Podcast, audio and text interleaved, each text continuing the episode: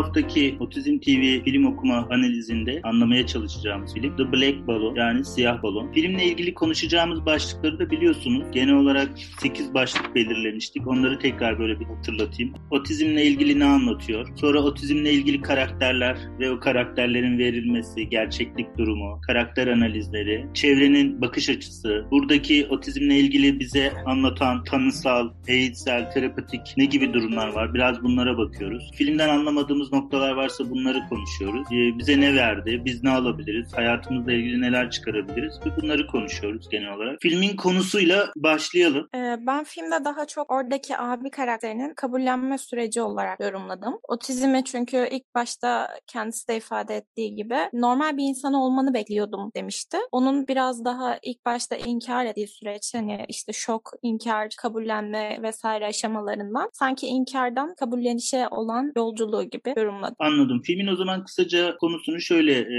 ifade ediyorsun anladığım kadarıyla. Thomas diye bir erkek kardeş var. Onun e, Charlie diye bir otizmli kardeşi var. Onunla birlikte yeni bir eve taşındıktan itibaren onu kabul bir kız arkadaş edinmesiyle birlikte e, onu kabullenip kabullenmediği ile ilgili sorgulamalarını ve en sonunda e, artık kabullendiğini anlatan, gösteren bir filmmiş gibi görünüyor. Aslında dediğin gibi bir abinin e, gözünden filmi izliyoruz daha çok. Çünkü hep abiyi izliyoruz. Dolayısıyla film abinin üzerinden yani böyle bir otizmli evde bir otizmli bir birey varsa kardeşlere ne oluyor? Kardeşler neler yaşıyor? Süreci nasıl? Konusuna eğilen bir film olarak karşımıza çıkıyor. Dört kişilik bir aile. Aileden üyeler anne hamile. Baba askeri bir yerde çalışan bir adam. Yeni bir eve taşınıyorlar. Sanırım babanın sürekli asker olduğu için yer değiştirmesinden kaynaklı. Yeni bir yere geliyorlar ve Avustralya'da bir yer burası yine. E, film zaten Avustralya yapımı bir film. E, orada tabii komşuları görüyoruz. Onların kendi iç ilişkilerini izliyoruz. Okulda yaşadıklarıyla ilgili bir şeyleri izliyoruz. Çocuğun özellikle erkek çocuğun okuldaki ergen arkadaşlarıyla yaşadıklarını izliyoruz. E, ve en çok da Thomas'ın kardeşiyle ilişkilerini, değişimlerini izliyoruz. Şimdi karakterlere gelelim. Otizmli karakter üzerinden gidelim. Sonra sırayla diğer anneyi, babayı, Thomas'ı, öğretmenlerin tutumlarını, yaklaşımlarını, kızın yaklaşımını, ergen arkadaşlarının yaklaşımı, çevrenin yaklaşımı biraz böyle teker teker incelemeye çalışalım. Kesinlikle ben çok iyi canlandırdığını düşünüyorum Charlie karakterinin. Yani oyuncunun karakteri çok iyi canlandırdığını düşünüyorum. Orada mesela şey falan vardı. Güvenlik olmayış veya da kaçma davranışını göstermesi, gösterdiği bir sahne vardı. Kapının açık olduğunu fark edip de Charlie'nin kaçıp işte, takip ettiği. İşte sonra başka bir eve girdiği mesela sınırlarının olmadığına dair bir, yine bir fikir veriyor bize. Yani başkasının evine teklifsiz bir şekilde veya da izin verilmeden girebileceğini. Çünkü işte tuvaletin sadece tuvalette yapılacağını öğrenmiş olduğundan çok büyük ihtimalle öyle bir davranış e, sergiliyor. Çünkü başkasının banyosuna girip de tuvaleti kullanmaya çalışıyor. E, aynı zamanda bir de e, bu kakasını yapıp da kakasıyla oynama davranış, problem davranış olarak veyahut da davranış bozukluğu olarak gösterdiği bir durum da söz konusuydu. O da bence orta düzeyde bir otizmlinin sergileyebileceği potansiyel davranışlardan birini çok güzel temsil ediyordu. Ben birkaç şey söyleyeyim. Charlie'yi canlandıran kişi oldukça iyi bir şekilde gerçekten rolünün hakkını veriyor. Aynı zamanda dikkat eksikliği ve hiperaktivitesinin de olduğunu görüyoruz. Sadece otizmi ilişkin davranışlarının olduğunu görmüyoruz. Başka tip davranışları da var. E, kendini uyaran birçok davranışının olduğunu görüyoruz. Stereotipik hareketlerinin olduğunu görüyoruz. Aynı zamanda işte rutinleri var, e, nesneleri var, nelerle ilişkilerinin oldukça belirli bir düzeyde sürdürdüğünü ve onu stereotipik değil de hayatla baş etmesini sağlayacak. Hani 2-3 yaşındaki bir çocuğun nasıl bir geçiş nesnesi varsa onun da elinde tahta kaşıklarının olduğunu, tahta kaşıklarla her yere gideni görüyoruz. O da bir şekilde hayatının geçiş nesnesi gibi duran ama aynı zamanda onun uyumunu, düzenini sağlayan bir nesne olarak, hayatında var olan bir durum olarak görülüyor. Aslında biraz çocuk rolünü gerçekten iyi yapmasına rağmen bunu filmin ortalarına doğru, bugünkü konuşmamızın ortalarına doğru öyle mi değil mi diye konuşuruz. Ben de o uyandırdığı izlenip e, tabii çok çalışılmış olduğu belli. Yani yönetmenin de zaten iki tane otizmli kardeşi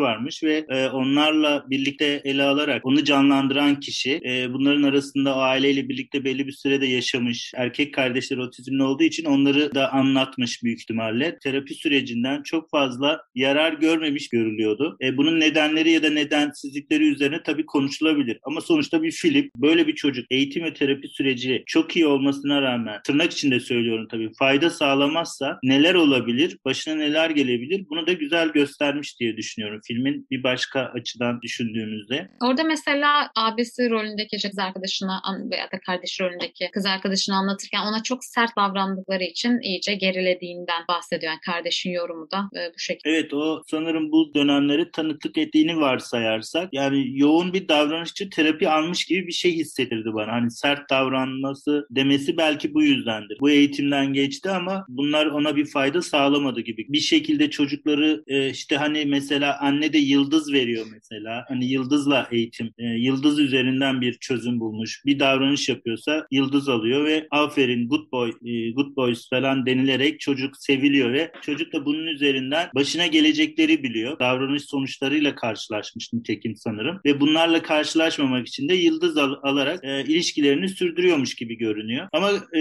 rol olarak gerçekten çocuk e, çok iyi canlandırmış, çok iyi vermiş gibi görünüyor. Kardeşinin aşamalarını düşünelim biraz. Kardeşi nasıl bir çocuktu, neler düşündü. Hani hep görürüz normalde bugüne kadarki izlediğimiz filmlerde de hep dışarıdaki toplumun baskısı yoğundur. Burada içeriden, aileden birisi de bir sorun var. Aileden birisi kabullenmiyor. Hani hep anne baba kabullenmiyor'yu izliyoruz ya da toplum kabullenmiyor'yu izliyoruz ama aileden birisi, kardeş e, neler yaşıyor, kabullenmezse ne olur? Bence çok güzel işaretler de vermiş. Dediğiniz gibi başta biraz önce söylediğiniz şok, inkar, kabullenme süreçlerini gerçekten e, izleyebiliyoruz kardeşin durumunda. Sizler ne düşünürsünüz? Ee, bence otistik olan ne kadar şanslıysa diğer kardeş de yani Charlie ne kadar şanslı bir çocuksa Thomas da o kadar şanssız bir çocuk bence. Çünkü ailenin tüm ilgisi otizmli olana gidiyor ve yani işte görmezden geliniyor diğeri e, sorumluluk bilinciyle sürekli davranmak zorunda. Mesela e, annesinden en ufak bir şey istediğinde işte sütü uzatır mısın demişti bir sahnede. O sırada Charlie problem davranış sergilemeye başladı. Sonra bir anda hem babanın ilgisi oraya gitti hem annenin ilgisi oraya gitti. Hatta sonra o da Charlie ile ilgilenmek zorunda kaldı. Hani ortada süt bile yok yani en ufak bir şey aslında. O yüzden ben abiyi çok şanssız buluyorum ve bir noktada da çok gerçekçi buluyorum. Yani eğer böyle bir ailede olsaydı aile gerçekten otistik olana karşı hem onun işaretini işte onunla iletişim kurmayı biliyorlar hem diğer insanlara karşı koruyabiliyorlar hem de işte eğitim konusunda destekliyorlar vesaire. Ama bir yandan da çok görmezden geliyorlar diye düşünüyorum. Evet özellikle o süt sahnesinde gerçekten onu çok güzel bir çok güzel şekilde gösterdi bize de. Hani orada bir böyle masada tek başına oturup boynunu büküp de tabiri caizse Charlie ile ilgileniyor olmalarını izlediği sahne gerçekten etkileyiciydi. Yani en çarpıcı olarak herhalde zaten orada böyle ilk bir gözümüze soktu. Devamında da zaten işte kavga ettiklerinde sahnede mesela ikisi de yaralandı aslında ama Charlie'yi sakinleştirmeye çalıştılar ve ona eee, şu- onu hastaneye götürdüklerinde diğer küçük kız kardeşe yine Thomas bakmak zorunda kaldı gibi böyle bir hani sürekli bir belki de taşıyamayacağı değil aslında tabii sonuçta 16 yaşında bir ergenden bahsediyoruz. İlla ki taşıyabileceği bir sorumluluktu ama ikinci plana atılmayı çok böyle derinden yaşadığını gerçekten gösterdiğini düşünüyorum ben de filmin. Bir otizmli kardeşi olan bir normal gelişim gösteren bir kardeşin şeylerini dediğiniz e, o içindeki kopan fırtınaları belki de e, çok güzel yansıdı Thomas karakteri orada. Ya ben bir de yaştan bağımsız olduğunu düşünüyorum. Ben de bunu düşündüm. 15-16 yaşlarında evet. Ama Hı. bence hani diğer abi olan yetişkin bile olsa empati yaptım mesela. Böyle bir durumda olsam ben anne babamı kıskanabilirdim yaşım ne olursa olsun. Çünkü ben orada çocuk eşit durumda bir çocukmuşum gibi görülmek isterim anne ve babamdan. O yüzden e, yani sadece sorumluluk bazında yetişkinlik olarak değil de yani çocuğa verilmeyecek bir sorumlulukmuş gibi geliyor. Hı hı. Hep öyle bir de yani işin hep öyle geliştiğini de düşünürsek evet çünkü Evet. en nihayetinde küçük çocuklarken de çok büyük bir ihtimalle Charlie'nin işlerine koşturmak zorunda bırakılmıştır Thomas. İhtiyaçları göz ardı edilmek zorunda kalmıştır bir şekilde. Evet o şekilde bir birazcık belki ihmalle büyümüş bir kardeş görüyoruz aslında. Ben şöyle düşündüm. Şimdi aile sistemi içerisinde bu sistem içerisindeki bir aksamalar herkesi etkiliyor. Etkilemesi de muhakkak. Çünkü e, sonuçta aile 3 kişilikse 3 kişilik, 4 kişilikse kaç kişilikse işte ona göre o sistemin kendine özgü sorunları oluyor. Şimdi burada bu sistemi gerçekten tutan, koruyan, sürdürmesi için çabalayan bir kadın var. Yani anne karakteri de gerçekten çok önemli. E, ben açıkçası çocuğun böyle çok ihmal edildiği hissini çok uyanmadı. Çünkü mesela tuvaletteyken gidip onun yanına ona sarılıyor. Ne bileyim hastanedeyken onu öp. Aslında onu görüyor. Sadece anne sürekli şunun derdinde. Ev ve ailem ne olacak? Şimdi bu kaygıyla e, davrandığı için ön plana bunu koyduğu için zaman zaman zaman öncelik sırasında bir önceliğe de koymuş. Yani anne karakteri e, sistemi koruyacak, tutacak, sistemi sürdürecek bir şeyde en zayıf halka olarak Charlie'yi görüyor ve Charlie üzerinden sistemi kurduğu için ki yapması gereken de budur zaten. Bir ebeveyn olarak, yetişkin olarak sistemde zayıflık, o sistemi bozacak, o sistemi sıkıntı yaratacak en etkili yer neresiyse onu çözmeye çalışırsınız. Anne de tüm sistemi babayla birlikte bunun e, üzerinden kurdukları için aslında en zayıfın hep korunması, en zayıfa yönelik bir şeyler yapılması üzerinden bir ilişki sürdürecekti zaten. Dolayısıyla orada yapılması gerekenler birer sorumluluğa ve biz bir aileyiz. Hani babanın dediği gibi o benim çocuğum, her halükarda çocuğum ve ben anneniz de çok güçlü. Bu sayede bu sistemi sürdürüyorum gibi bir şey de söyledi mesela. Dolayısıyla ben çocuğun da böyle çok mağdur edildiği gibi bir şey oluşturmadı bende. Daha çok çocuk çocuk kendi sorunlarından yani kendi ergenlikle ilgili kaygılarından çocuğun o kadar ergensi sorunları, o kadar kendisiyle ilgili ihtiyaçları çünkü görülmüyor, okula gidiyor, sürekli taşınmışlar mesela. Bir arkadaş edinemiyor, kendini gösteremiyor, utanıyor. Utanmasını sağlayan şeylerden birisi de kardeşinin böyle bir durumu. Dolayısıyla ergensi ihtiyaçlarından dolayı annesinin ve babasının bir sistem olarak filmin sonuna doğru anladığını görüyoruz. Yani herkes ve bu da kızın sayesinde sayesinde oldu. Sev, çocuğun içerisindeki o sevgi uyandıkça kardeşiyle bunu paylaşmaya başladı. Anne babasını daha iyi anlamaya başladı. Hani arabada soruyor mesela babasına. Hani sanki mağduriyet değil de zaten bu sistemi içerisinde ona da bir şekilde iyi davranıldı, e, görüldü, ihtiyaçları giderildi ama çocuk ergen olduğu için, ergensi ihtiyaçları çok olduğu için bir türlü sistemin şöyle olduğunu algılayamadı. Zayıfın korunması, bir aile sistemi böyledir. Anlaşılması, zayıfın o sistem içerisinde de aile sisteminin devam edecek şekilde sisteme dahil edilmesi olarak kurulduğu için çocuk bunu anladı gibi geliyor bana. Yani ergensi problemleri daha ön planda olduğu için bize o çocuğun mağdur olduğu gibi bir imaj çiziyor. Aslında görülüyordu annesi tarafından özellikle. Ben de burada sizinle aynı fikirdeyim. Evet ben de çocuğun çok ihmal edilmediğini düşünüyorum. Çünkü aileye bakınca birazcık kendi ailemiyle gördüm ben burada. Ben de iki çocuk, iki erkek çocuğu annesiyim. Büyük oğlum da otizm var, küçük oğlum. Ondan 4 yaş küçük. İlkokul 5'e kadar aynı okula gittiler. Orada e, işte öğretmenler bana şey demişti, beni çağırmışlardı işte e, acaba işte otizmli olan oğlumun bütün yükünü evren çekiyor gibi görünüyor mu? Onlara öyle görünmüş aslında. Aslında öyle bir görüntü yok. Bunu işte dışarıdaki insanlara anlatmak o kadar zor ki. Odak noktası kim oluyor? Büyük olan oluyor. Yani otizmli olan kişi oluyor. Her şekilde ona yardım etmek gerekiyor ama ben küçüğünü de küçüğün üzerine o yükü vermediğim halde dışarıdan öyle görüldü sanki evrendeymiş gibi yani sizlerin kardeşindeymiş gibi geliyordu. Aslında öyle değildi. Bir de buradaki dediğiniz gibi bu 16 yaşında tam ergenlik dönemi. Bu dönemde zaten anneyi babayı bile beğenmeyen çocuklar ki kalkıp da bir otizmli kardeşi işte arkadaşlarına ilk tanıştırmak çok zor geliyor. Bu problemi onlarla paylaşmak istemiyor. Hep saklamaya çalışıyor. Arkadaşı gelince içeriye sokup işte onu saklamaya çalıştığını gördüm. Problemi reddederler. Anne babayı da beğenmezler. Kardeşini hiç beğenmezler. Dikkat ettim. Yine bizim ülkemizde de böyledir. Anne olaya çok vakıf. Anne evi çok derleyip toplayıcı olarak görüyorum. E, zaten annenin hastaneye yattığı dönemde işte çocuk krizler geçiriyor. Da babası tarafından birazcık da şiddete markette alışveriş yaparken bir şiddete de maruz kalıyor çocuk. Orada olaylar çığırından da çıkabiliyor. Anne karakterini biraz konuşalım. Anne sizce yeterince iyi ebeveyn mi? Hani Winnicott'ın deyimiyle yeterince gerçekten demi nasıl kuruyor? Çocuklarla ilişkisi nasıl? Ee, babasıyla bir sevgi ilişkisi var mı? Çocuklarını seviyor mu? Çocuklarına bir sorumluluk yüklüyor mu, yüklemiyor mu? Anne aşırı bir fedakarlık mı yapıyor yoksa yapması gerekenleri mi yapıyor? Biraz bunlar üzerinden anneyi konuşalım. Ee, az önce sizin söylediğiniz mesela bir çocuk tuvalette oturuyor, sarılıyor vesaire diye. Sanki izlerken onları geç söylemiş gibi orada bir şey söylemişti. Sahneleri karıştırıyor da olabilirim ama de ve hiçbir zaman ailesi olmayacak. işte hiçbir zaman bizden bağımsız yaşayamayacak. O yüzden en iyi şekilde davranmalıyız diye. Onu sanki o konuşmayı sanki çok geç yapmış gibi.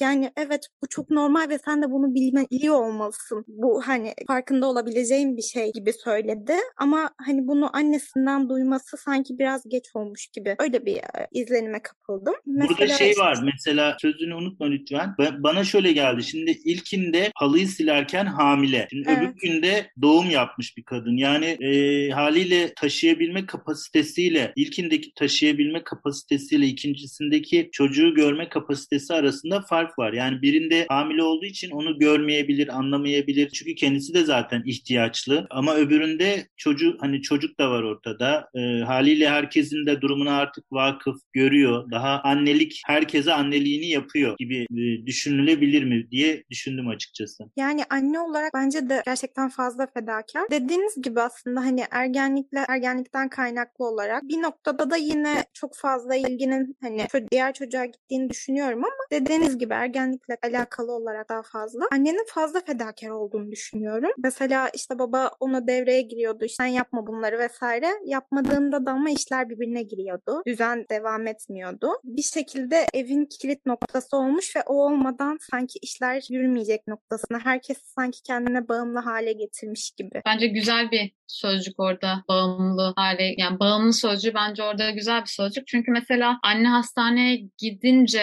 kaldırılınca daha doğrusu Thomas'ın Charlie'ye ilacını verirken ne kadar zorlandığını görüyoruz. Yani hani mesela ilacı vermeyi demek ki anne sadece anne üstlenmiş o zamana kadar. Bir kere sadece anne Thomas ve Charlie beraberken Thomas'ın vermesi için Charlie'ye yine yönerge verdi veya da söyledi Thomas'ın vermesine izin ver şeklinde. Ama sonrasında Thomas tek başına kalınca Charlie'yle ne kadar zorlandığını görüyoruz. Yine Kader Hanım'ın dediği gibi o market sahnesinde e, babayla yine Thomas'ın ne kadar bocaladığını görüyoruz. Kontrol edemediğini bir şekilde e, Charlie ile iletişim kuramadıklarını orada görüyoruz. İzlerken ben de aynı şeyi düşündüm açıkçası Demet Hanım'ın dediği gibi. Hani orada bir biraz fazla e, sorumluluğu üstlenmekten kaynaklanan bir bağımlılık olduğunu ben de düşündüm. Ama tabii başka türlü olur muydu onu bilmiyorum tabii ki. Yani hani böyle e, yanlış anlaşılmasın ama e, o şekilde bir e, başka türlü başka türlü olmuyor. Ee, şimdi ben de bir otizm annesi, annesiyim ya ben kendimden pay biçiyorum. Evet evet. Ee, benim olma tanı konulduğunda ve, ve tedaviye başladığımız zaman doktor bana dedi ki sizin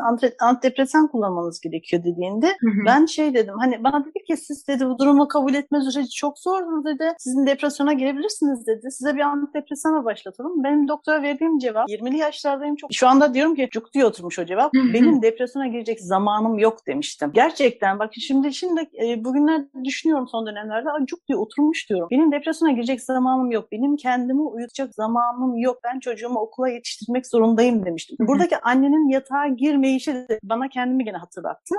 Anne yatağa girecek zamanı yok. O kadar lüksü kendine göremiyor. Her şeyi sanki o kontrol edecekmiş gibi. Kumanda zaten sadece onda oluyor. Ben oğlumu hastaneye götürüp getirdiğim zaman orada bir babayı görmüştüm. Bana onu hatırlattı. Baba çocuğun elinden tutmuş sağa sola bakınıyordu. Ne olduğunu sordum. İşte nasıl yardımcı olabileceğimi sordum. Annesini kaybettik dedi. Annesi öldü dedi. Ben nereye, nasıl, hangi doktora başvuracağımı bilmiyorum dedi. Sudan çıkmış balığa dönmüştü adam. Yani demek ki sadece bizim ülkemize özgü değil. Annenin her şeye sahiplenmesi. Demek ki yurt dışında da aynı. Neresi olursa olsun, burası Avusturya olsun, Avrupa olsun, neresi olursa olsun anne sahipleniyor bu çocuğa. Bütün aileyi de kontrol altında tutmaya çalışıyor. Ne yazık ki böyle yani. E, onu aslında Gerçek... söyleyeyim. Sizce başka türlü olması... Olmuyor. Hayır. Bence olmuyor. Başka türlü olması olmuyor. Yani e, babalar bilmiyorum ya. Birazcık daha e, şey burada zayıf kalıyor gibi geliyor bana. Örnekleri vardır ama sistem annenin üzerinden işliyor. Öyle düşünmek daha mantıklı. Yani iş anneye kalıyor. ihale anneye kalıyor. Fatura anneye çıkarılıyor. O yüzden anne de ya mağduriyet üzerinden bir ilişkilenme yaşayacak ya da bu sorunun altına fazlasıyla taşın altına kendi elini koyup sırtlanmaya çalışacak. Ki genel olarak anneler ülkelerde genellikle ikinci yolu seçiyorlar. Yani çünkü mağduriyet başka mağduriyetleri de beraberinde getireceği için annenin sahip çıkması, Aynen öyle. annenin koruması, annenin taşın altına elin koyması en gözlenilen bir şey. Ama babaların da e, gerçekten öyle babalar da var yani hani gördüğüm için söylüyorum. Sadece sayıca azlar. E, bunun nedenleri başka bir tartışma konusu. Hani film filmi biz analiz et gündemimize koyduğumuz için hani gerçek bir durumda ne olur ne olmazı film bize bunu tartıştırıyor. Bu anne değil de de baba yapabilir mi? Bu ayrı bir konu. Ama film tartıştırıyor bize. Anne neden yapıyor? Anne neden bu kadar fedakarlık, bu kadar bağımlılık? Sistemden çekildiği zaman diğer iki kişi niye dağılıyor? Aslında film bunları güzel veriyor. Yani anne fazladan yüklendiğinde sistemi aslında bence bunun buna yönelik de bir e, düzenleme de gibi görünüyor. Yani aslında annenin baba ve e, kardeşi elinden geldiğince işin içerisine katan bir yaklaşımı var. Ama e, bütün sorumluluğu o aldığı için hani onlardan beklediği yemek konusunda yardımcı olmaları, alışveriş konusunda yardımcı olmaları, ne bileyim başka başka konularda yardımcı olmaları haliyle biraz çocuğu çocuk bırakan bir yaklaşımı da var gibi görünüyor. Aslında orada mesela Thomas'a dediği bir şey var. Hiç adil değil değil mi diye. Evet. Bence anne anne için de bu şey geçerli. Aslında evet, anne için de aslında adil değil. Çünkü o çocuk annenin ve de babanın çocuğu. Ama anne taşın altına daha fazla elini e, koymak durumunda kalıyordu şeyde, olayda. Ve sanki filmde bunun da ipucunu veriyor. Yani sadece anne altına girmek hevesinde değil de buna mecbur kalmış gibi göründü bana. Çünkü babası, baba o karaktere şey demişti işte sen hiçbir işi yapmayacaksın dediğinde e peki bu işler nasıl devam edecek gibi bir şey söylemişti anne. Adam da orada şey demişti elektrik süpürgesinin nasıl çalıştığını biliyorum. Yani devamında yemek yanmasın dikkat et işte Charlie'ye dikkat et vesaire annenin yönlendirmesiyle bile yetişememişti adam. E, o yüzden yani hem ev içi emeğin görünmemesi hem de anne kimliğinin görünmemesinden kaynaklı kadın sanki sadece normal şeyleri yapıyormuş gibi görünüyor. O yüzden belki de kimse sorumluluk altına girmek istemiyor bilmiyorum ama e, biraz da diğer karakterlerin çok da e, farkında olmadığı durumlar olduğu için e, anne bu kadar sorumluluk altına giriyor. Bir de anne iyi yapıyor ya hani çocuğa güzel davranış problemi çıktığı zaman çözebiliyor. Ne bileyim e, işte ilacı var ilacını güzel veriyor. Bir şey yaptığı zaman kızıyor. Yani anne güzel yapıyor. Haliyle ihale dediğim gibi tekrar oraya ona kalmış olabilir. Yani anne iyi çözüyor.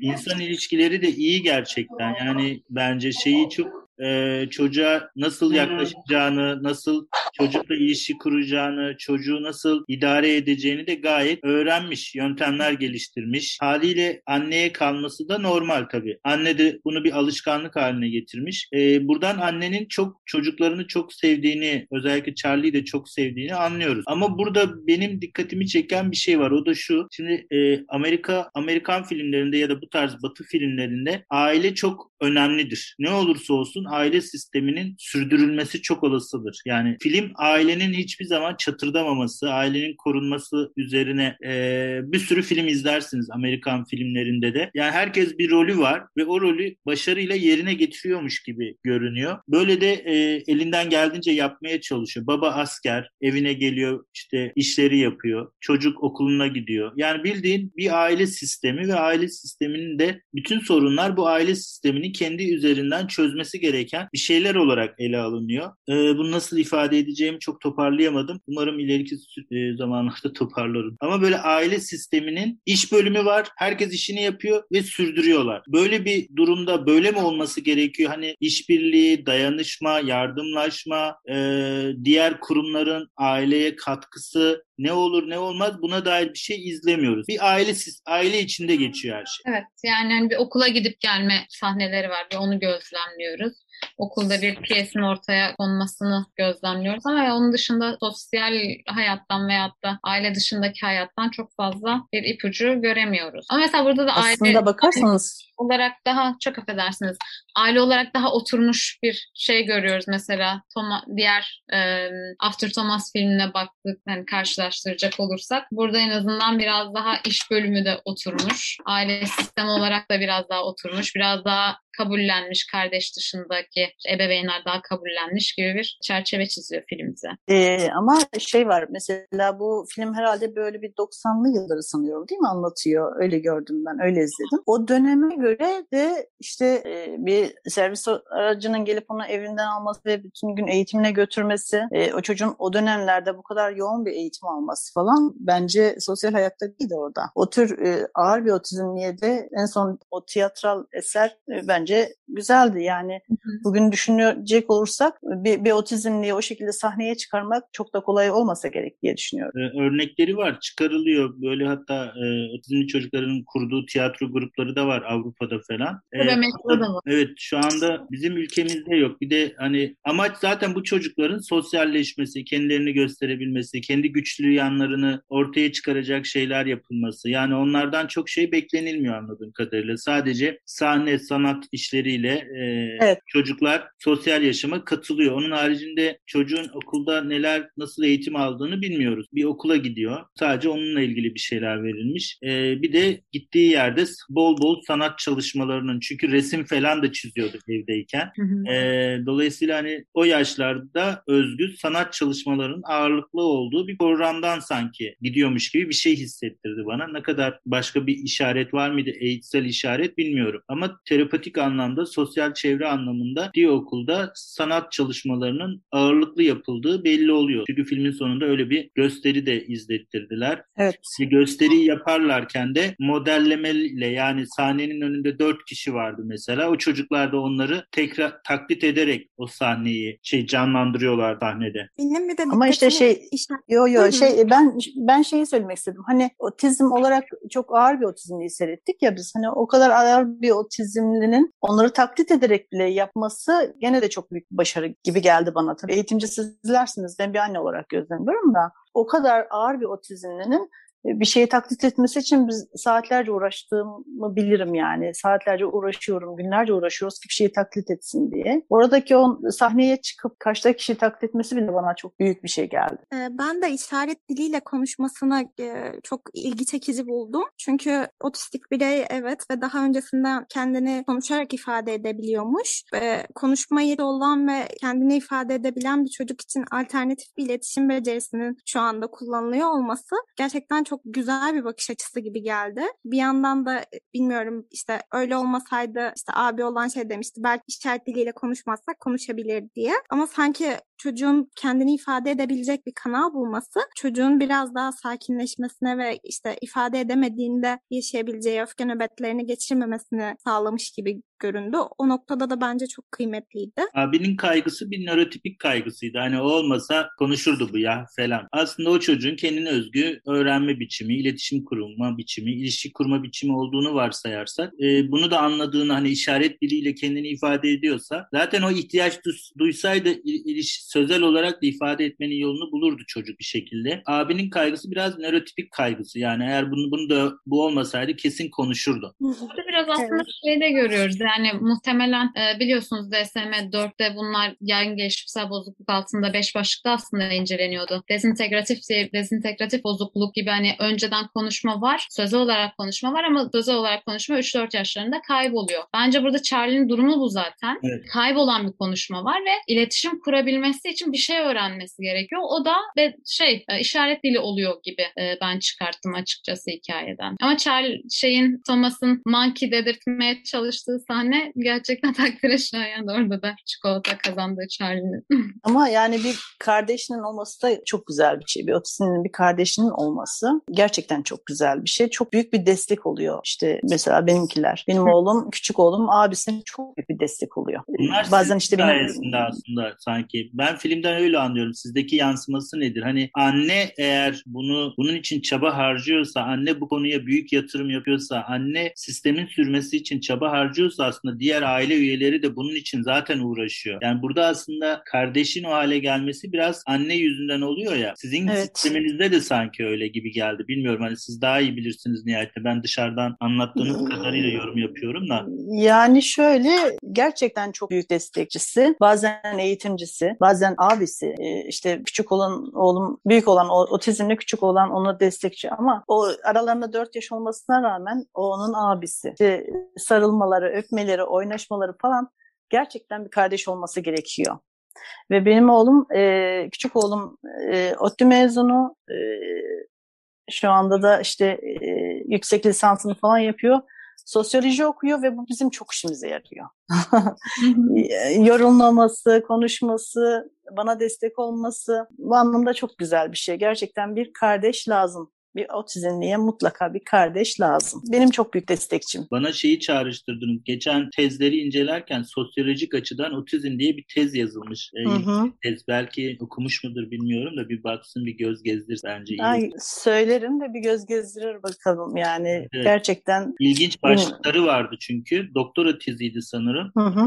Bir baksın bence önemli bir şeyler olabilir. Hani kendi bakış açısıyla, kendi yaşadıklarıyla, kendi bölümüyle nasıl bir bağlantı kurabilir? O daha kafasına oturur sanırım. Sanırım ama e, destekçiniz olması gösteriyor ki sizin de bir e, ebeveyn olarak sistemi oturtmuşsunuz gibi. Hani film aslında biraz sizin örneğinizi çok yansıtıyor gibi geldi bana. Çok çok çok kendimi çok gördüm orada. Ee, oğlumu çok gördüm orada. Yani küçük oğlumu çok gördüm orada. O çocuğun bakışındaki aileyi, anneyi, babayı ve ka- e, otizmli kardeş izlemesinde ken- e, oğlumu çok gördüm. Hani böyle o süt isteme sahnesinde bile ben oğlumu çok gördüm orada. Yani tamamen sanki beni anlatıyordu, bizim evi anlatıyordu gibi geldi bana. Ha bizim e, evet sizlerimiz o kadar çok ağır, ağır bir otizmli değil. Sözel olarak çok gelişmiş, aşırı gelişmiş. Hatta bazen hiç susmuyorsa susması için yalvardığımız zamanlar oluyor ama ama gerçekten de çok güzel. Tam bize yansıdı orada. Annenin annenin çabasını, kardeşi ve babayı çok çok iyi anladım. Babayla ilgili ne söylemek istersiniz? Bence baba da e,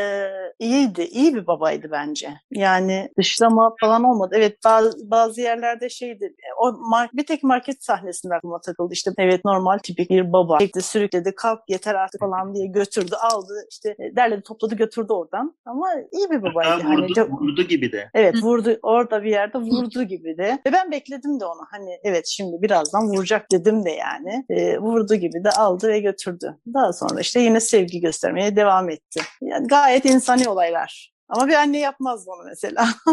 o yüzden diyorum işte anne orada derleyici toplayıcıdır her zaman. Anne olmadığı zaman aile dağıldığını gördük. Evet eril Evet. eril gücü bir de asker askeri bir kişilikle karakter yapısıyla birleşince babanın da çok yumuşak bir yapısı Beklenemezdi. Evet. Babayı ben biraz dışarıda buldum ya yani daha çok anneye yardımcı olarak sanki işlerde rol alıyormuş gibi. Çünkü o, o, e, alışveriş sahnesinde de çocuğu kriz geçirdiğinde nasıl müdahale edeceğini bilmiyor ve çevrenin baskısına e, psikolojik baskı altındaydı o sırada. Herkes ona karşı bakıyordu ve gerçekten kötü bakışlar atılıyordu.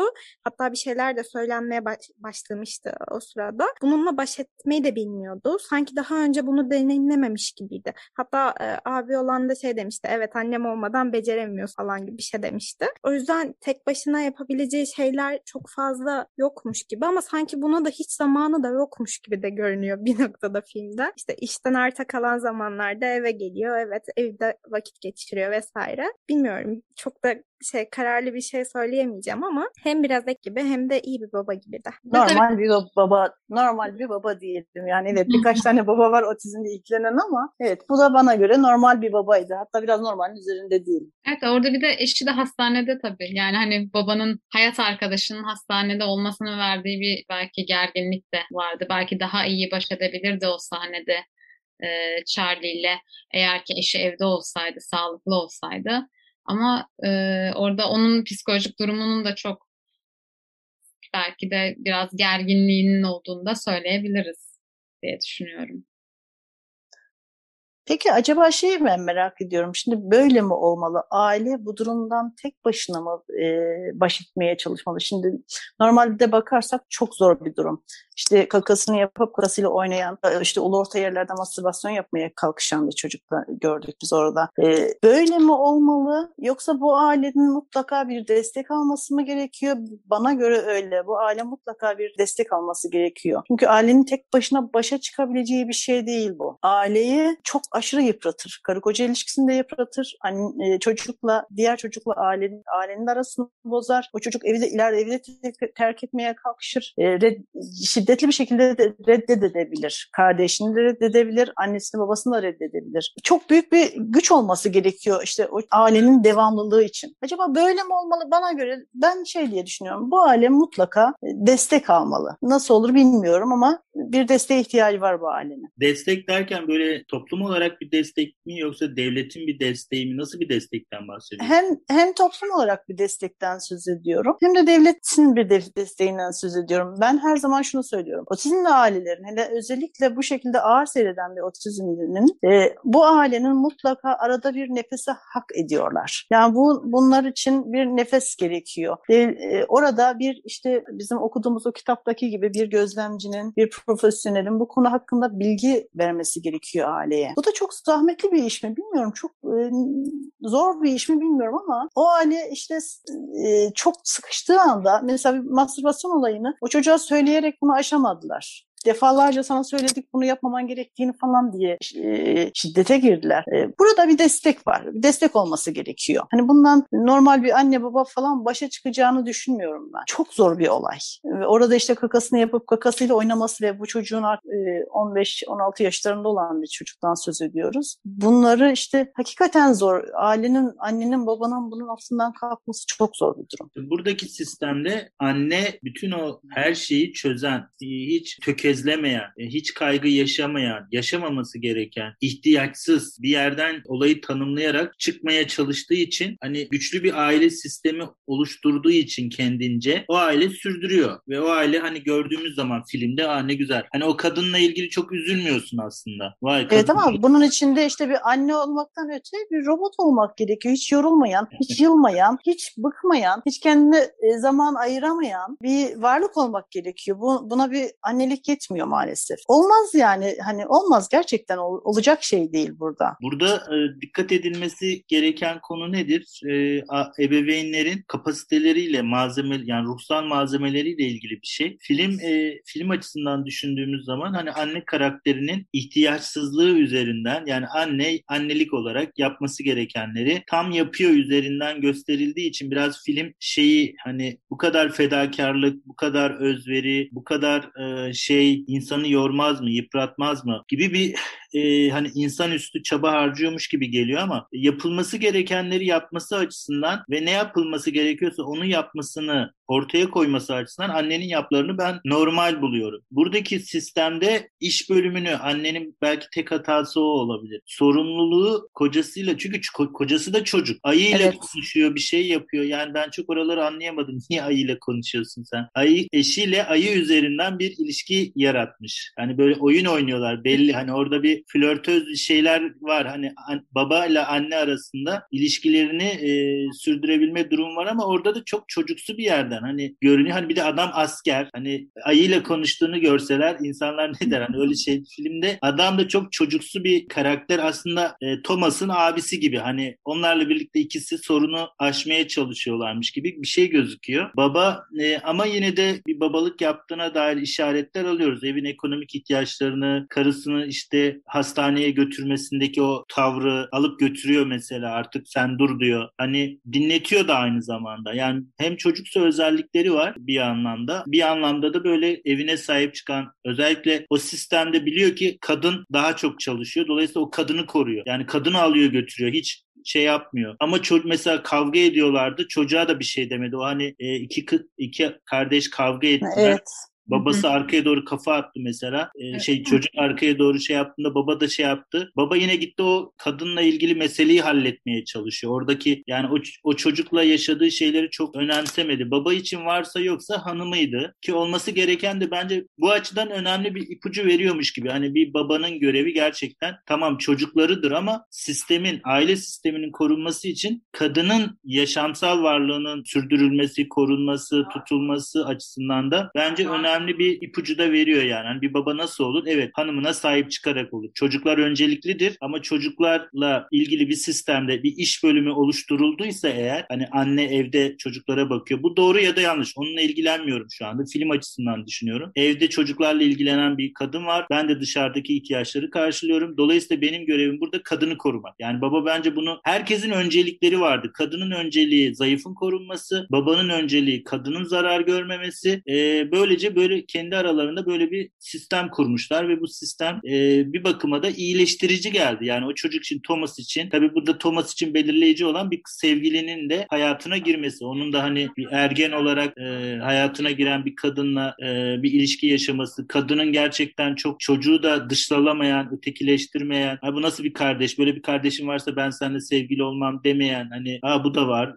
bu da ne güzel işte onun da böyle farklılığını kabul eden hatta şey söylüyor ya bu konuşamayacak artık kabullen yani sen bunu şey yapma hani olduğu gibi kabullen diyor mesela. Öyle bir varlığı da bence çocuğun Thomas'ın da e, normalleşmesini, durumu kabullenmesini, normalleşmeyi durumu kabullenmek olarak açıkladığımızda sağlıyormuş gibi görünüyor. Ya bizim e, burada işte bu e, bana da çok tanıdık geldi. Mesela biz e, aileler olarak oğlumuzun işte Sezer'in yaptığı herhangi bir bu arada Sezer Sezer diyorum Sezer benim benim otizmli oğlumun adı. Kendisi 28 yaşında. Bir e, yaptığı bir ters harekette biz şey e, işte e, zaman zaman utandığımız falan oluyor. E, işte insanlardan çekiniyoruz falan. Burada e, bize e, Sezer'in durumunu kabul ettiren karşı taraf oluyor genelde. Onun e, yaklaşımı, mesela oradaki kızın yaklaşımı çok güzeldi. Onu demeye çalışıyorum. Oradaki kız Thomas'a kardeşini kabul ettirdi. Farklı bir açıdan bakmasını sağladı. Bize de öyle. Mesela bir kitapçıda kitap bakıyorum. Sezer işte bir şeyleri karıştırmaya çalıştı. O zaman daha küçüktü. Ben farkında olmadan dirseğimle Sezer'i hafiften itiyorum. Ama hiç farkında değilim. Tamamen vücut dili bu. Karşımdaki kitapçı dedi ki lütfen hanımefendi çocuğa böyle davranmayın dedi. Bunu hiç, bunu hiç unutmuyorum. Lütfen onu rahat, lütfen onu rahat bırakır mısınız dedi. Kendi kendime dedim ki ben ne kadar kasıyormuşum meğer. Yani karşıdaki kişiyi de rahatsız ediyorsam dedim. Ben oğlumu Evet benim oğlum bir otizmle ortaya koyuyorum. Beni seven lütfen böyle sevsin, sevmeyen hiç beni görmesin. Burada normal olan bu. Benim üçüncü bir gözümü karşıdaki kişi açıyor. Buradaki Thomas'ın gözünü e, kız arkadaşının açtığı gibi. Thomas kız arkadaşının yüzünden kardeşine biraz daha seveceğim bakmaya başladı. Evet önce kıza, kızı etkilemek için kardeşinden uzak durdu ama kız ona yaklaştıkça e, ilişki kurması da değişti tabii. Çünkü kızın ilişki kurması daha kabulleniciydi. E, haliyle Thomas da değişti. Aslında burada yine e, hani nasıl ki aile sisteminde kadın o sistemi yürütüyor. Bir erkeğin hayatına bir kadın girdiğinde bir erkeğin hayatında ne olabileceğine ilişkinde güzel bir bakış açısı. Yani sevgi girerse e, gerçekten bir erkeğin hayatına değiştirici, dönüştürücü bir etkiye sahip olabiliyor. Yoksa öyle kaygılarıyla çocuğu kabullenememesi durumuyla şeyi sürdürecekti çocuk. Hani sistemi daha işin içinden çıkılamaz hale getirecek. Daha da büyük nefrete dönüşebilirdi tabii çocuğun hayatında. Evet, evet. Farklı şeyler deneyebilirdi o çocuk abisi için, kardeşi için. Bence sadece kız arkadaşı olduğu için değil de zorba çocukların arasında okula gidiyordu. Komşuları yine şikayet ediyordu. işte polisi ararım vesaire diyordu. Aslında zorba bir toplumda yaşıyordu ve e, kardeşinin çok da kabul edilebilir olmadığını etrafından da görüyordu. Ama sadece bir kişide bile kabul edilebilir olduğunu gördüğünde biraz daha o yöne doğru kaymaya başladı sanki. Biraz da normaline değiştirebilecek bir adımı farklı bir kişiden, ailesi ya da otizmi daha önce duymamış bir birinden duyması onu onun dönüşümünü başlattı diye düşünüyorum. Ki e, çocuğun e, otizm olan çocuğun okula giderken servisten inip Thomas'ın yanına gitmesini, oradaki kız arkadaşının yanında durmasını nasıl yorumluyorsunuz? Hangi anlamda? Ben şöyle düşündüm. Hani onlarla birlikte olmak istediği için geldi oraya. Onları tercih etti bence. Onların yanında olmak istedi. Çünkü onların yanında daha çok eğleniyordu gibi geldi bana. Evet, sevdiği ve iletişime geçtiği birileriydi. Hem e, hem kızla hem de abisiyle beraber yürüyüşe çıkıyorlardı. İşte evet, beraber evet. vakit geçiriyorlardı. E, arkadaşını görünce ona merhaba demek için inmiş gibi düşündüm ama orada da çok korkunç bir e, zorbalığa uğradı orada da. Hem çok... şiddet gördü hem krize e, sebep oldular ve sonrasında da anlaşılamadı. Çok büyük bir şiddetti oradaki evet. Yani yetişkin bir otizmli bireyin başına neler gelebileceği konusunda da ilginç ipuçları da veriyor. Hani mesela çocuğun cinsel dürtü var. Bunları nasıl çözüldüğüyle ilgili aile sisteminde hani çizdiği resimler var. Aslında kendini de böyle o da aslında bir ergen. Hani evet. o da bir ergen ve bununla ilişkin bir nörotipik bir kişinin hani kardeşin bulduğu çözüm yolu kız arkadaş bulma. Ama onunki ise daha farklı bir yol. Anlatabiliyor muyum? Yani herkesin kendine göre bulduğu bir çözüm yolu var. Ee, burada şu normaldir bu anormaldir gibi bir ayrım yapmak istemiyorum ama çocuk kendi ihtiyaçlarını biliyor. O da arkadaş edinmek istiyor. Hani kız o kız diyor mesela. O da bir kız tamam sakin ol diyor hani şey. Dolayısıyla hani o da bir ergen olduğu için bir arkadaş ortamına girip o arkadaş ortamında işte elinden geldiğince o da kendini ifade etmek istiyor, katılmak istiyor, onlarla birlikte olmak istiyor. Dolayısıyla ihtiyaçlar, düzlemler aynı gibi geldi bana da. Hani söylediğiniz Şimdi ben burada e, tam burada lafa girmek istiyorum tekrar. Oğlumun e, yakın zamanda Cuma günü bir arkadaş evlenecek. Bunlar işte bir ara işte e, oğlumun arkadaşı, kız arkadaşı falan bir yemeğe gidiyorlar. Kız arkadaşı işte şey giymiş işte göbeği açık kıyafet giymiş. Benim oğlumun gözü onun göbeğinde. İşte bakıyor ona. Erkek arkadaşı kız arkadaşıyla çok yakın davranıyor. İşte elini onun omzuna atıyor. Benim oğlum da geçmiş öbür tarafından onun omzuna atıyor. Çünkü o da istiyor çünkü hani o da şey yapmak istiyor. Ee, hani bu benim en samimi arkadaşımsa Onun arkadaşı da benim arkadaşımdı. Ben de yapabilirim falan gibi. E, sonra çocuk beni aradı. Kader teyze dedi hani ben nasıl davranıyorum? Hani resmen dedi hava atıyor ve resmen hani şey yapıyor işte sarkıntılık yapmaya çalışıyor dedi. E, dedim bunu normal bir arkadaşın yapsaydı nasıl davranırdın? İşte sert konuşurdum. Evet Sezer'le de sert konuşmanı istiyorum dedim. Bilmiyorum doğru mu yaptım yanlış mı yaptım ama. Hayır, ne oldu Sezer, peki? E, daha, daha sonra bir daha olmadı hayır. Bir daha olmadı. Çünkü ben de konuştum. Hani bu yaptığın şey doğru değil dedim.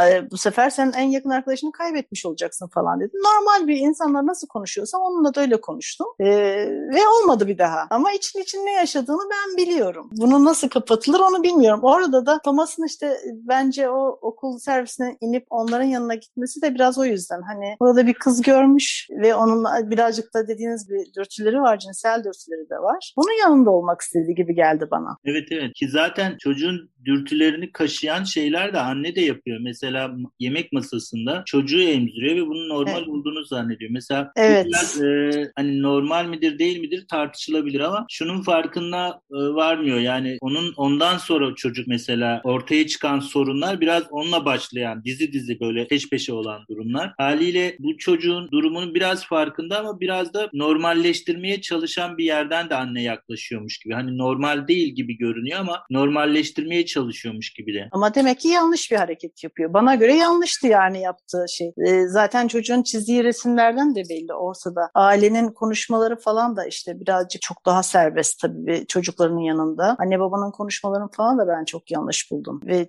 bunu çocuğun çizdiği resimlerde de kadın ve erkek çizdiği resimlerde de bu bariz ortadaydı zaten. Ya anne baba işte o mesela ilk başta ayıcık üzerinden de bir Thomas'ın yanında bir konuşma yapıyorlar. Hani çocuğun yanında yapıyorlar. Anne baba için bu normal gibi görünüyor. Hani film özelinde konuştuğumuz için böyle. Hani evet. normal ya da anormal bizim düşüncemiz ama anne ve baba bu konulara dair açıklığını iki yerde ben gördüm. Dediğim gibi bir baba uzanmış Rex'le konuşurken hani Thomas'ın yanında anneyle birlikte açık seçik konuşuyorlar mesela. Thomas sadece onlara bakıyordu. Bir de öyle bir sahne vardı mesela. Hani buradan çıkan sonuç tabii ki anne babanın yoğun dürtüsel yaşantılarının da olduğu çıkıyor aslında. Bunları saklamaktan saklamıyorlardı. Oldukça da açık yaşıyorlar. Bu normal ya da ya- yanlış. Artık bu bizim yorumumuz olur. Anlatabiliyor muyum? Ama filmde gördüğümüz anne ve babanın yoğun cinsel dürtüleri olduğunu ve bunları yaşamaktan çekinmediğini hatta hamile olduğunu, babanın da sürekli beklentini açıkça ifade ettiğini görüyoruz zaten. Hani o filmin bir başka versiyonu ama bunları çocuklarının yanında konuşup konuşmamaları bu başka bir tartışma konusu. Yani e, bizim yorumumuz olmuş olur. Hayır bence bizim yorumumuz olmuş değildir. Bence bunu da işte bunu nasıl anlatacağımı bilmiyorum ama o yanlışı zaten belirtiyor da bize. Zaten hani hepimiz aynı şeyi düşünmüşüz. Bu bizim yorumumuz değil zaten. Bunu resmen gözümüze soktular orada. Ama bence şöyle bir şey var. Bakın annenin sevgisini, babanın sevgisini açıklayabileceğimiz bir şey var. Yani o da şu, ben şöyle anladım açıkçası. Diyor ki sevginin oluşabilmesi için ve aile sisteminde herkesin birbirini koruyup sahip çıkabilmesi için o sistemi oluşturan ebeveynler arasında yoğun cinsel dürtünün de olması lazım aslında. Bu olmazsa orada onları bağlayan, bir araya getiren, o oluşumu sürdüren bir şey de olmaz. Dolayısıyla bence öyle davranmaları gayet bana mantıklı geliyor. Çünkü bunların sevgisi nasıl devam edecek? Bu sistem sistemin sürmesi nasıl olacak? Yani buradaki motivasyon kaynağı ne? Buradaki motivasyon kaynağı da tam da anne babanın yoğun dürtüsel aktarımları birbirlerine yoğun bir şekilde bunları ima ediyorlar. Bunları gösteriyorlar. Bunları bunlara dair işaretler filmde var. Bu olduğu içindir ki zaten anne o kadar sistemi korumak için elinden geleni yapıyor. Baba o kadını korumak için elinden geleni yapıyor. Anlatabiliyor muyum? Biraz oradaki motivasyon kaynağı biraz bu. Haliyle dışarı kayması yani dışarı dediğim çocukların arasında da görülmesi olasıymış gibi geliyor bana. Yani biraz aile, onların aile sistemini düşününce bu normal. Ama başka bir sistemi düşünelim. Belki bunlar biraz daha komik ya da tuhaf ya da anormal karşılanabilir. Ama bu sistem için bana normal geliyor. Bilmiyorum anlatabildim mi ben durumu? Yok gayet net adını anlattınız da işte ben de diyorum ki işte bu evlilikte bu tür şeylerin artık belli bir şeyden sonra böyle olmaması gerekiyor ya. Ben de anlatamadım galiba ama. Yok ben size anladım. Siz diyorsunuz ki adamla kadın sevdiklerini nasıl birbirine göstersinler. Ben de diyorum ki adamla kadın sevdiklerini birbirlerine göstermek için yanıp tutuştukları için bu, bu süreç yani aile sistemi sürüyor demek istiyorum. Anlatabiliyor muyum? Evet anladım anladım ben sizi. ben sizi anladım. yani bunlarla hani e, olmaması lazım derseniz o zaman şöyle bir soru çıkıyor. Peki anne ve baba bu sistemi neden sürdürür? Anne ve babanın bu işteki motivasyonu ne? Dolayısıyla sevgiyi üretecekleri bir dürtüsel alan olmak zorunda yani açıkçası. Bu benim düşüncem. Hani Bugüne kadar seyrettiğim otizmli filmlerde ailede ikinci ya da üçüncü kişilerde mutlaka bir gariplikler daha var. Bence burada babada da bir garip vardı. Az önce sizin dediğiniz gibi işte bir oturup sen koca adamsın niye bir ayıyla konuşuyorsun? Ya da işte annenin bu kadar çok fazla özleri olması. Aşırı derecede işte her işi onun kendi kendisinin en mükemmel yapmaya çalışması. Bunun gibi bir sürü filmlerde de böyle şeyler vardı yani. Otizmle ilgili bir dizi daha seyrediyorum. Şimdi aklıma gelmedi size de söyleyecektim. Netflix'te biliyorsunuzdur. Orada da işte annede bir gariplik var. Burada mutlaka ikinci, üçüncü şahıslarda bir gariplik olduğu belki de onu, onu mu anlatmaya çalıştılar biz onu anlayamadım. Belki de öyledir. Bence sistem olarak düşünelim. Yani buradaki A kişisi, B kişisi anne baba değil de bir sistem olarak düşünmek lazım. Çocuk ve anne babalardan oluşan bir sistem var. Buradaki kişiler bu sistemi ne kadar farkındalar, ne kadar koruyabiliyorlar, ne kadar koruyamıyorlar ya da dışına çıkıyorlar. Biraz bunlarla ilgili bir durumu gözden geçirmemiz gerekiyor. Benim gördüğüm hani bu bana gelen bu sistemi korumak, düzende tutmak için elinden geleni yapmaya çalışan iki kişi görüyoruz anne ve baba. Ben de diyorum ki bu anne ve babanın motivasyonu da birbirleriyle ilgili yoğun dürtüsel içerikleri. Haliyle bunlar da sistemi sürdürmek için çabalıyorlar. Çabalamayı da sürdürecekler anladığım kadarıyla ve o iki kişinin de yani çocuklarının ve yeni gelen çocuğun da dahil bu sistem içerisinde e, bir yer edinmesi için elinden geleni yapacaklar. E, bir sistem gözüyle bakmak lazım. Bu kişi niye böyle davranıyor değil de bir sistem var karşımızda. Beş kişiden oluşan bir sistem ve bu sistemdeki aksamalar ne? Bir şey aksarsa öbürüne nasıl yansıyor? İşte en önemli ayağı ev için anne ise annede bir aksama olursa sistem nasıl oluyor? Bunu güzel veriyor bence. Burada da benim gördüğüm hani mesela After Thomas'ta anne ve babanın özellikle annenin çok yoğun aksamaları vardı. Ee, burada ise hiçbirisi aksamıyor. Herkes yerli yerinde elinden geldiğince sevgi temelli birbirleriyle ilişkilerini sürdürüyorlar. Kardeş aksıyor. Hani ben öyle düşündüm açıkçası. Yo, doğru doğru evet kardeş aksıyor orada da. Kabullenme süreci biraz gecikti kardeşim. Başka bir motivasyona belki ihtiyacı vardı. Onu da kız arkadaş Evet. rolüyle hayatına giren kişi sağladı. Ve oradaki kardeşiyle kavgası da içindeki öfkeyi kustu ve rahatladı gibi geliyor bana. Yılların vermiş olduğu, biriktirmiş olduğu öfkeyi kustu ve rahatladı. Orada mesela o sahneden kavga sahnesinden sonra işte e, banyoda ağladığı sahne var. Annenin gidip sarıldığı, hiç adil değildi mi diye onu anladığını belirtti.